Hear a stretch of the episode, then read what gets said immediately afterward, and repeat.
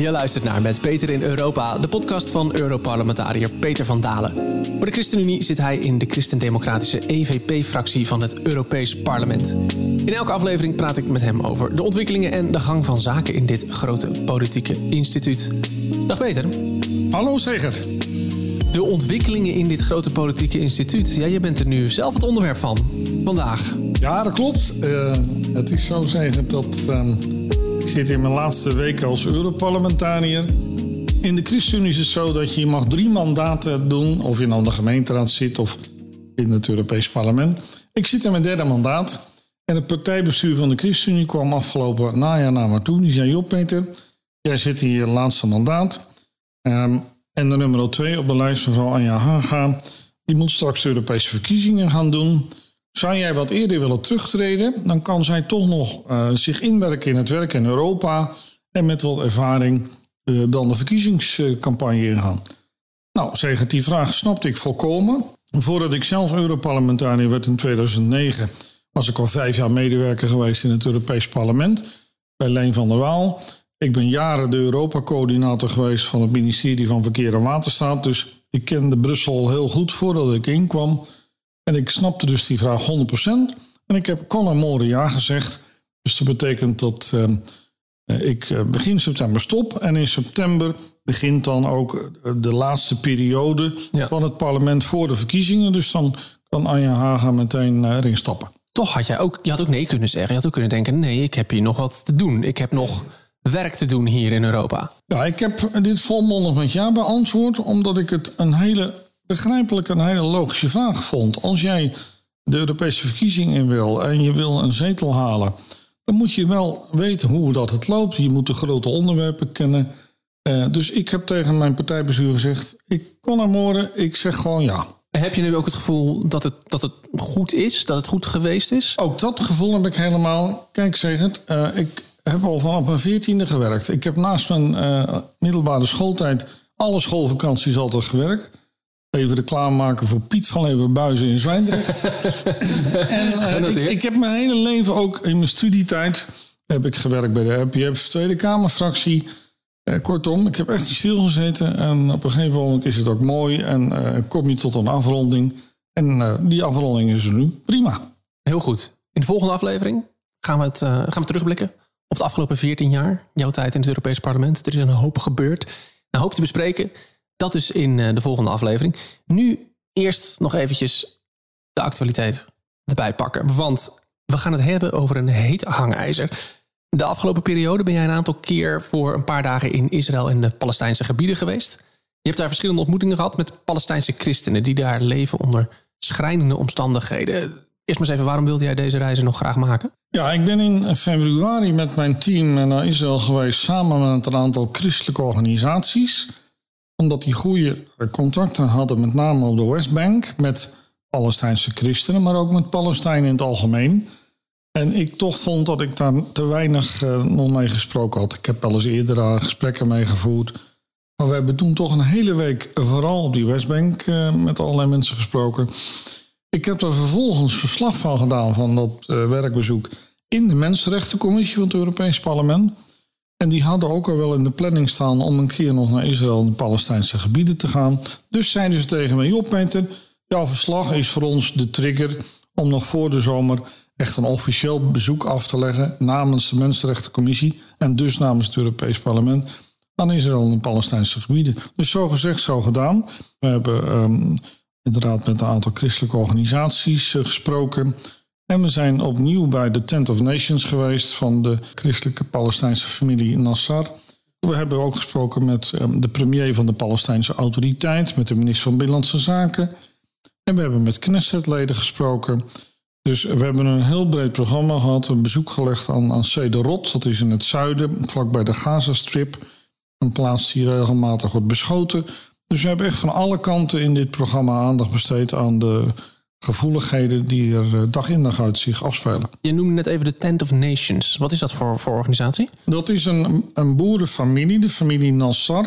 Uh, en die hebben dat land uh, buiten Bethlehem, uh, op, een, op een heuveltop, een groot stuk land, dat ze gebruiken voor olijventeelt, wijnteelt. En eigenlijk is in de jaren negentig de Israëlische staat een proces tegen hen begonnen om hen daar te onteigenen. Want, dus zo zeiden de Israëli's, deze grond is niet van jullie, toon maar aan dat die van jullie is, en anders moet je vertrekken. Nou, bij uitzondering kon de familie Nassar inderdaad aantonen dat ze die grond al hadden uh, in het Ottomaanse tijdperk want hun uh, overgrootvader had het allemaal netjes laten registreren.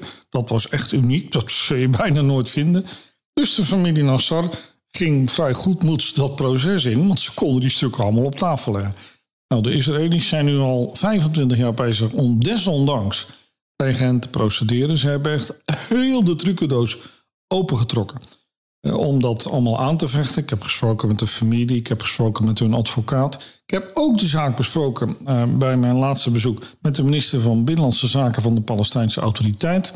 En wat je nu vooral ziet de laatste twee jaar, is dat de zittingen uh, voor het hoogste hof over deze kwestie voortdurend worden uitgesteld. Dan wordt er dus een datum geprikt, we gaan dan en dan een beslissing nemen. En dan krijgen ze twee dagen van tevoren horen, nee, uitgesteld. Laatste en dat is nu al zes keer ja. gebeurd. En nu is het weer uitgesteld tot 6 september. Dus die mensen worden gemangeld en dat kost ook enorm veel geld. Ze hebben ongeveer in de afgelopen 25 jaar 200.000 euro uitgegeven aan proceskosten. Dus het is onbestaanbaar. En nou, ik steun die mensen. Uh, het bestuur in Nederland van de Tent of Nations werk ik nou mee samen. En ik ben er dus opnieuw geweest. En uh, ik heb die minister van Binnenlandse Zaken van de Palestijnse Autoriteit die heeft gezegd: wij sturen deze week, as we speak, uh, onze hoogste juridische adviseur naar de familie om hen bij te staan. En dat wordt nu gemonitord door de EU-ambassade in, um, in Jeruzalem. Dus uh, ook de EU-ambassade heb ik er volledig bij betrokken. En die gaan nu stap voor stap dit allemaal in de gaten houden. En de Nederlandse ambassadeur ook. Dit, is, dit klinkt als een bizar verhaal het stuk land en een overheid die daar dus 25 jaar procedeert en allerlei juridische trucs uithaalt. Maar, maar, hoe vaak gebeurt dit dan, dit soort, dit soort processen? Ja, ik heb je nog het meest bizarre niet verteld. Uh, want deze mensen zijn verschillende keren aangevallen. Uh, verschillende keren zijn uh, Joodse kolonisten op hun terrein gekomen, hebben olijfbomen uit de grond getrokken, hebben brand gesticht. Maar helaas, helaas, ze wonen vlakbij een islamitisch dorpje, Naalin. En ook uit dat dorpje is een aanval geweest op hun terrein. En ook op uh, Daoud Nassar en zijn broer. En die zijn het ziekenhuis ingeslagen. Omdat die Palestijnen, islamitische Palestijnen uit het dorpje Naalin, willen dan die grond afpakken en verkopen aan Joodse kolonisten. Die gefinancierd worden door rijke New Yorkse Joden. Dus het, het, hangt van ellende in elkaar. Dus, dus even samenvattend. We hebben een, een, een Palestijnse familie. Christelijk, volgens mij. Zeker. Die een stuk grond hebben. Dat is al generaties lang. eeuwenlang in, in bezit van de familie. Dat is gewoon van hun. Dat, die documenten kunnen ze uh, overleggen. Maar tegelijkertijd wordt er dus van alle kanten wordt er geknokt, letterlijk, om hen van dat land weg te jagen. Waarom? Wat is er nou zo bijzonder aan dat stukje land? Ja, die, dat land, uh, dat ligt te midden van een, een, gebied waar steeds meer Joodse settlements komen. Op de heuveltop naast hun is een grote Joodse settlement, ook met een Torah-school. En vanuit die settlement en vanuit die school is men dus drukdoende om ook hun heuveltop, dat is een groot gebied. Ze hebben 1200 uh, vierkante meter, dat is een vrij groot stuk voor de begrippen daar. En uh, dat willen die kolonisten allemaal in bezit krijgen. De Israëlische regering, zeker de regering Netanyahu, steunt ze daarin maximaal. Ja, die mensen worden dus gemangeld aan alle kanten. En uh, het zijn bovendien christenen, dus ik vind, en ik vind het onze christenplicht vooral, om deze mensen maximaal bij te staan. Uh, en dus ook opnieuw nu, voor de tweede keer dit jaar, en nu met een officiële delegatie daar te zijn. Nou, de delegatie, de collega's waren ook zeer onder de indruk konden hun oren niet geloven. En helaas eh, is dit proces in zijn algemeenheid al vele jaren op de Westbank aan de gang. Zeker nu onder deze regering Netanyahu met uh, religieus-nationalistische ministers Smotrich en Ben Vier. Die hebben maar één doel. En dat zeggen ze ook openlijk. Dat is niet, mhm. niet onder de tafel of zo. Wij willen Judea en Samaria weer terugbrengen. Dat willen we weer hebben. Nou, en dus worden die kolonisten die kregen alle ruimte. Sterker nog, we waren bij een andere boer. Die woont op een heuveltop buiten Ramallah. En die liet ons zijn huis zien. Nou joh, er zat allemaal ijzeren platen voor de ramen en voor de deuren. En zijn gasinstallatie helemaal uh, met een ijzeren plaat omgeven. Hij zegt, ja, mijn huis is kolonistenproof. Toen vroegen wij, wat bedoel je? Hij zegt, nou, zo één keer in de week uh, word ik aangevallen. Hij liet ons een zak met traangasgranaten zien... die hij de afgelopen week had verzameld. En toen liepen wij om zijn huis heen... En toen ineens verschenen de kolonisten op de helling met geweren. En die begonnen te telefoneren en te doen. Dus ik zeg tegen mijn collega, joh, laten we even met die lui praten. Nou, dus wij die heuvel op. Nee, nee, dan kom neer, dan kom neer. En ik zeg, nou ja, we, zitten, we zijn hier met een bezoek van het Europees Parlement. En we praten met deze mensen. Nou ja, ze namen dat voor kennisgeving aan. Dus wij weer terug naar die boer. Hij zegt, joh, ik vind het erg lief dat jullie dat even gezegd hebben. Maar het bangste ben ik als jullie straks weg zijn. Ja. Want dan komen ze weer. En toen liet hij ons een puinzooi daar op zijn terrein zien. Daar stond een betonnen schuur van hem. Die hadden ze de week daarvoor opgeblazen. Dit gaat daar alleen maar door. En zeker door deze rechtsnationalistische regering van meneer Netanyahu krijgen deze kolonisten een enorme boost om zich nog meer te manifesteren. Dus de idee van een twee-staten-oplossing, waar wel eens over gesproken wordt, die wordt gewoon de nek omgedraaid. Ja. Want uh, de Westbank is inmiddels al een gatenkaas waar heel veel kolonisten op allerlei plekken zitten. En straks uh, zijn die Palestijnen gewoon verdwenen. Ja. Ben er een beetje stil van, merk ik. Nou ja, maar dat waren wij ook. We waren allemaal, het, voor mij was het helaas geen nieuws meer omdat wij dat in februari allemaal uitgebreid hadden gehoord en gezien. Maar mijn collega's, terug toen we in de, in de hadden een minibus om naar onze volgende afspraak te rijden, die waren allemaal zeer neergeslagen dat dit allemaal zomaar gebeurt. En dat de wereld daar weinig van weet. Hè, uh, en dat er ook een hele eenzijdige mediacampagne is van de Israëlische kant om iedereen maar te vertellen: ja, maar als je hier kritiek op hebt, dan ben je of antisemiet of je verwerpt de Holocaust. Heeft er allemaal geen bal mee te maken. Nee, nee, nee, maar dat is wel de mediamachine die daar tegenover staat. Uh, dus de collega's waren ook zeer verslagen.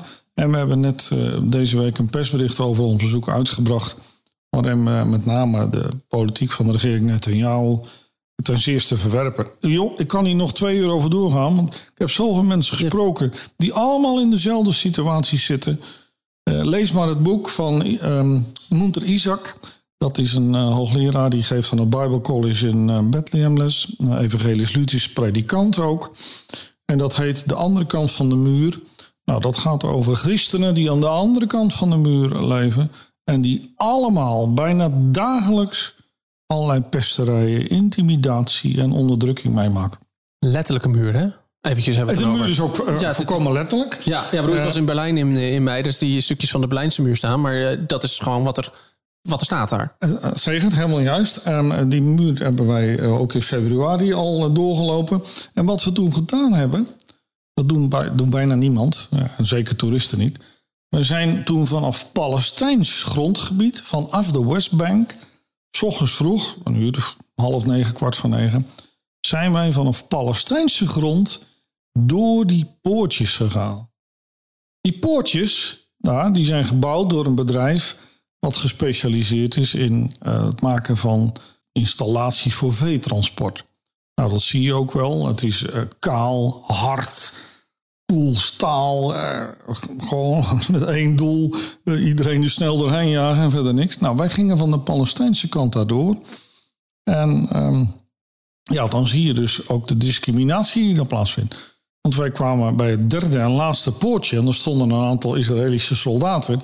En wij lieten onze Europese paspoorten zien in februari. En toen ging er een zijdeurtje open. En toen zeiden ze, komt u hier maar door hoor. U kunt hier zo eruit. En nou, toen zagen we die tientallen Palestijnen die bleven daar staan. Een paar daarvan werden er ook uitgeplukt en ter plekke teruggestuurd. Dat konden we nog net zien. Dus dat is zo'n ongelooflijk systeem. Het is niet alleen een muur die een scheiding maakt... maar het is ook een heel systeem van intimidatie... Uh, onderdrukking, achterstelling. Uh, en vooral hebben we dat ervaren toen we juist vanuit Palestijnse kant richting Israël gingen. Want de andere kant op, hebben we ook gedaan natuurlijk, -hmm. Van Israël en Palestina. Nou, dat gaat uh, van een leien dakje. Ja, ja. daar liepen we in, in sneltreinvaart liepen we er doorheen. Dus joh, dit, dit moet je ervaren, dit moet je eens een keer meemaken. Ja. En, en ze zeiden ook, de christenen op de Westbank, toeristen komen hier nooit. Ja, ze komen op één plek. Ze komen bij de geboortekerk in Bethlehem. Ja. Er is een speciale lane. Die gaat, en dan kun je met een bus of met je, met je auto kun je naar de geboortekerk. Nou, dan gaat iedereen in die geboortekerk een uurtje lopen. En that's it. Ja. Verdere plekken in de Westbank worden niet bezocht. Bijvoorbeeld het Bethlehem Bible College. Ik vermeld met ere een van de oprichters van dat college. Anne van der Bijl, de oprichter van Open Doors. Ja. Die heeft daar ook eh, gewerkt aan de totstandkoming van de Bijbelkoers. Daar komt bijna niemand. We hebben een gesprek gehad daar met een groep studenten en met de directie. Nou, die waren zo blij dat er eindelijk eens een paar christenen met hen een uur om de tafel wilden zitten. Want toeristen zagen ze dan nooit. Eh, Westerse toeristen, christenen, hooguit de geboortekerk en dan gauw weer de Westbank uit. Dan wil ik nu eventjes naar de andere kant van de grens kijken. Want wat is nou de reden dat Israël dit doet? Wat is de, misschien de, de reden die ze aangeven waarom ze dit doen? Israël geeft standaard één reden op. Dit is security. Ja. Het heeft alles te maken met veiligheid. Want zeggen ze, eh, wij worden van alle kanten bedreigd. eh, en eh, daar moeten we maximaal ons tegen weren. En we moeten ook zorgen dat de mensen die in Israël komen, bijvoorbeeld uit Rusland of uit de Oekraïne of uit Ethiopië, dat die, dat die ruimte hebben om te kunnen wonen en leven. Ik begrijp dat aan de ene kant. Maar aan de andere kant, waarom zouden ze zo bang zijn? Eh, Israël heeft een van de beste legers ter wereld. Nota bene, hè? niet in het Midden-Oosten, ter wereld. Dat leger is ook overal. Dus eh, zo vreselijk bang hoeven ze volgens mij niet te zijn. Want Nee. eh, dat leger is omnipotent. Dat is één. Twee, de dreiging bij de Gazastrook vind ik wel reëel. Want in de Gazastrook, daar eh, regeert de Hamas-partij. Ja, dat zijn echt terroristen. Die worden vooral gesteund door Iran. Eh, en Iran is de grootste vijand van Israël. Dus ik vind zeker bij de Gazastrip, eh, daar is het aspect van de veiligheid belangrijk. Die Gazastrip heeft Israël nu ook goed in de grip. Tuurlijk, het is absoluut te betreuren. En zeker dat er nog regelmatig raketten vanuit de Gazastrip naar onder andere Sederot gaan, waar wij ook geweest zijn.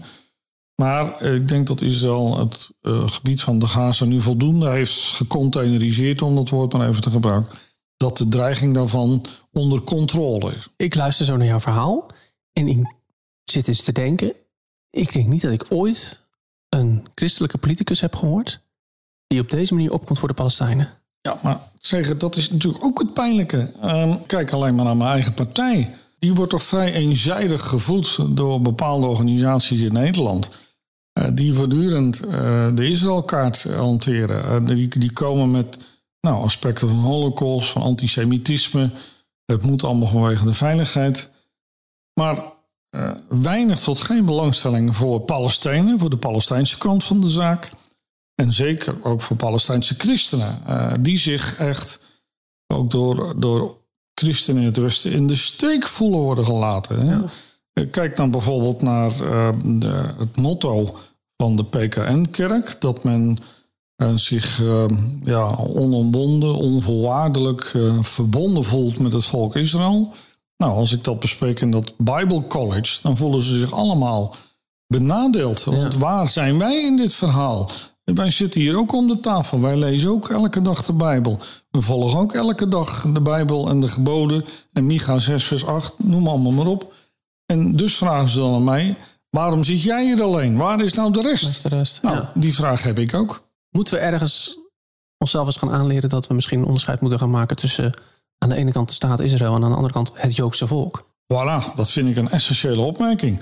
Heel veel mensen, ook christenen, vegen dat op één hoop, zeggen daar één op één, eh, dit is hetzelfde. Nou, daar moet je al mee beginnen om dat uit elkaar te halen. De staat Israël is op een intimiderende manier bezig om ja, de gedachte van de twee-staten-oplossing, om die onderuit te schoffelen. En zeker deze regering heeft daar eh, het centrale agendapunt van gemaakt. Dat is één. Twee, eh, ja, wat er over het Joodse volk wordt gezegd en geschreven in de Bijbel. Dat is ook nog best ingewikkeld hoor. Want als je de hoofdstukken in de Romeinenbrief van Paulus erover leest, dan duizelt je het ook wel. Maar wat staat er nou precies en wat gebeurt er nou precies? Maar dat het Joodse volk recht heeft om eh, te leven op een plek waar ze veilig kunnen zijn, helemaal eens. Maar dat rechtvaardigt niet eh, het eh, gewelddadige optreden, het, het van de Israëlische regering. Het Palestijnse volk heeft dat recht ook. Sterker, sterker nog, Uh, als je dat boek van uh, Munter Isaac leest, heel veel christenen denken dat uh, toen de Joden na de Holocaust naar um, Israël kwamen, dat het land ongeveer leeg was. Nou, dat is niet het geval. Er wonen al tig eeuwen Palestijnen. En dus wat gebeurde er toen de Joodse mensen uit de Holocaust in Israël kwamen? Toen begon de Nakba. De verdrijving van de Palestijnen van de grond waar die Palestijnen ook al tig eeuwen woonden. Het land was niet leeg. Dus dat is ook iets uh, om te onthouden. Dus wij zetten recht op. Het gaat ook over die Palestijnen. Dus ik ben zelf ook een warm voorstander van die twee statenoplossing. Maar die wordt dus per dag eh, komt die oplossing verder weg te staan. Omdat nogmaals, die kolonisten die rukken stap voor stap op. In de, met name de Westbank.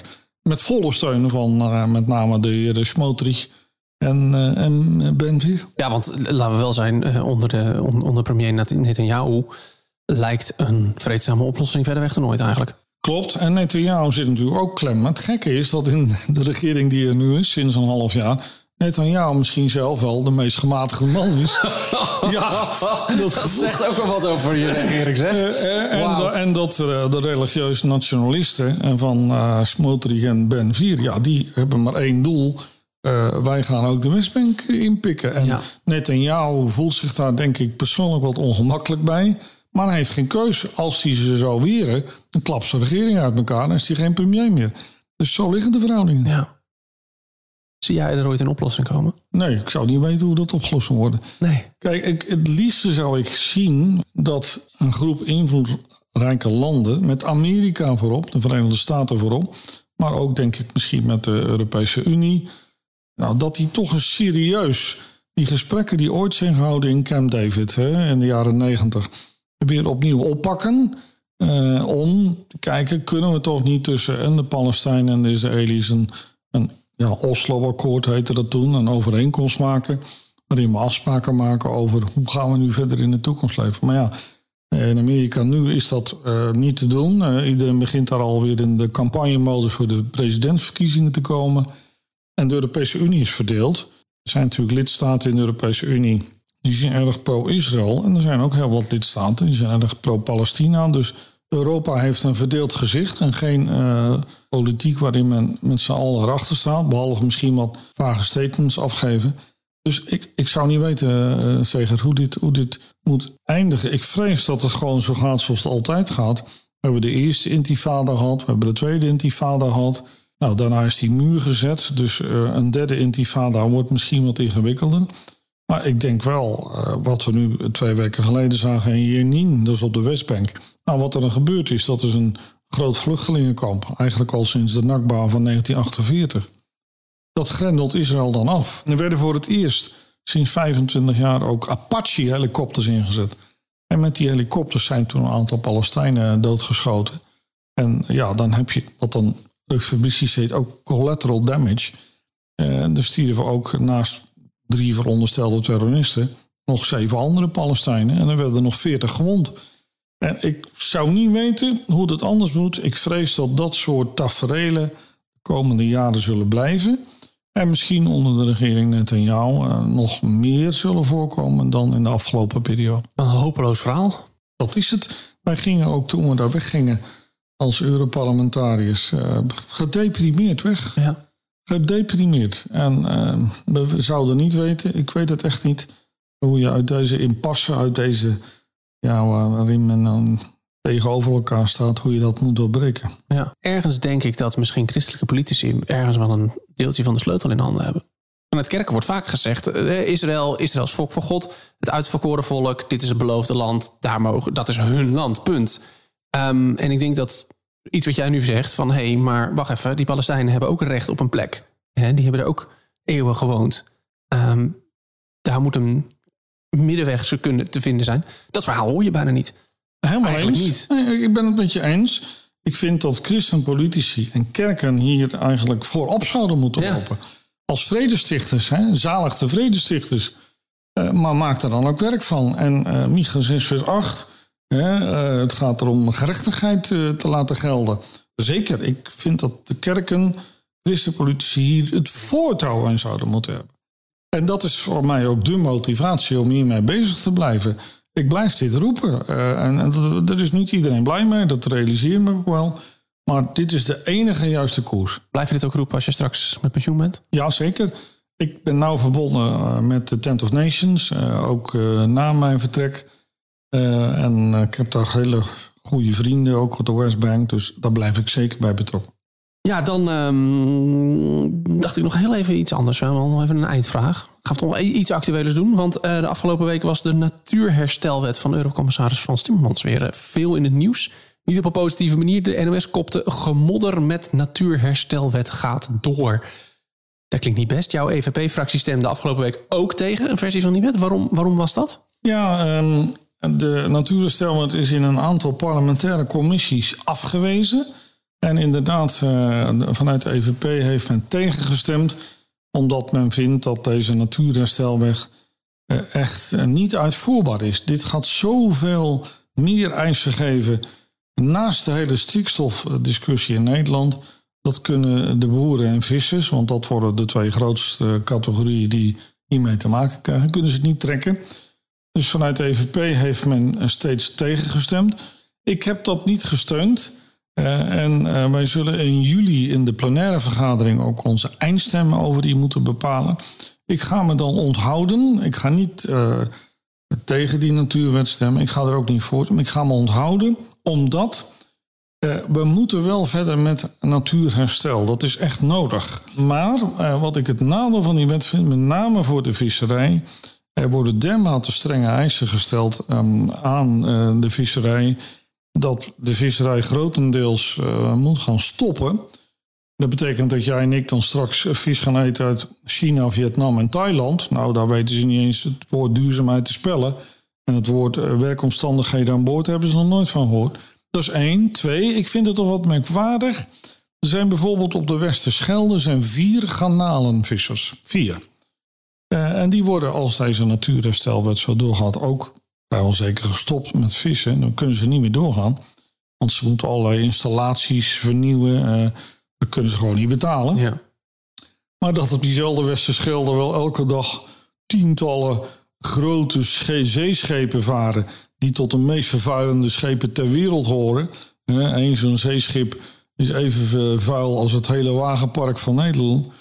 Dat is één. Maar twee, dat er dan vervolgens in zee ook uh, windmolens geplaatst gaan worden. En dat zijn kolossen met uh, blokken beton die tot 80 meter diep steken, die 240 meter hoog zijn, uh, waar kabels getrokken worden in grote grootte naar het vasteland. Nou, en dat wordt dan ook erkend als natuurherstel. Nou, dan denk ik even van jongens, uh, ja, we weten inmiddels beton, toch... uh, windmolens, zeggen, kabels, uh, natuurherstel, zei u. We weten inmiddels ook wel dat, dat dat ook behoorlijk wat effect heeft op de biodiversiteit, op het, op het bodemleven, op de vogels. Vogels niet te vergeten, ja. Nee, joh, dus er zitten allerlei kanten aan. dus ik wil best een signaal geven, we moeten ermee door. Maar niet in deze vorm. Dat, dat slaat te ver door. Dus Vandaar dat ik me zal gaan onthouden als dit uh, in de plenaire komt. Helder. En dat is dan dus begin juli, de laatste stemweek voor het zomerreces. Jouw laatste stemweek kan ook. Helemaal eens. Ik, ja. ja. En dan verder nog, um, verder, verder nog dingen die op de agenda staan die week. Nou, dit wordt wel het hoofdonderwerp. Ik probeer ook nog uh, een debat op de agenda te krijgen over Pakistan.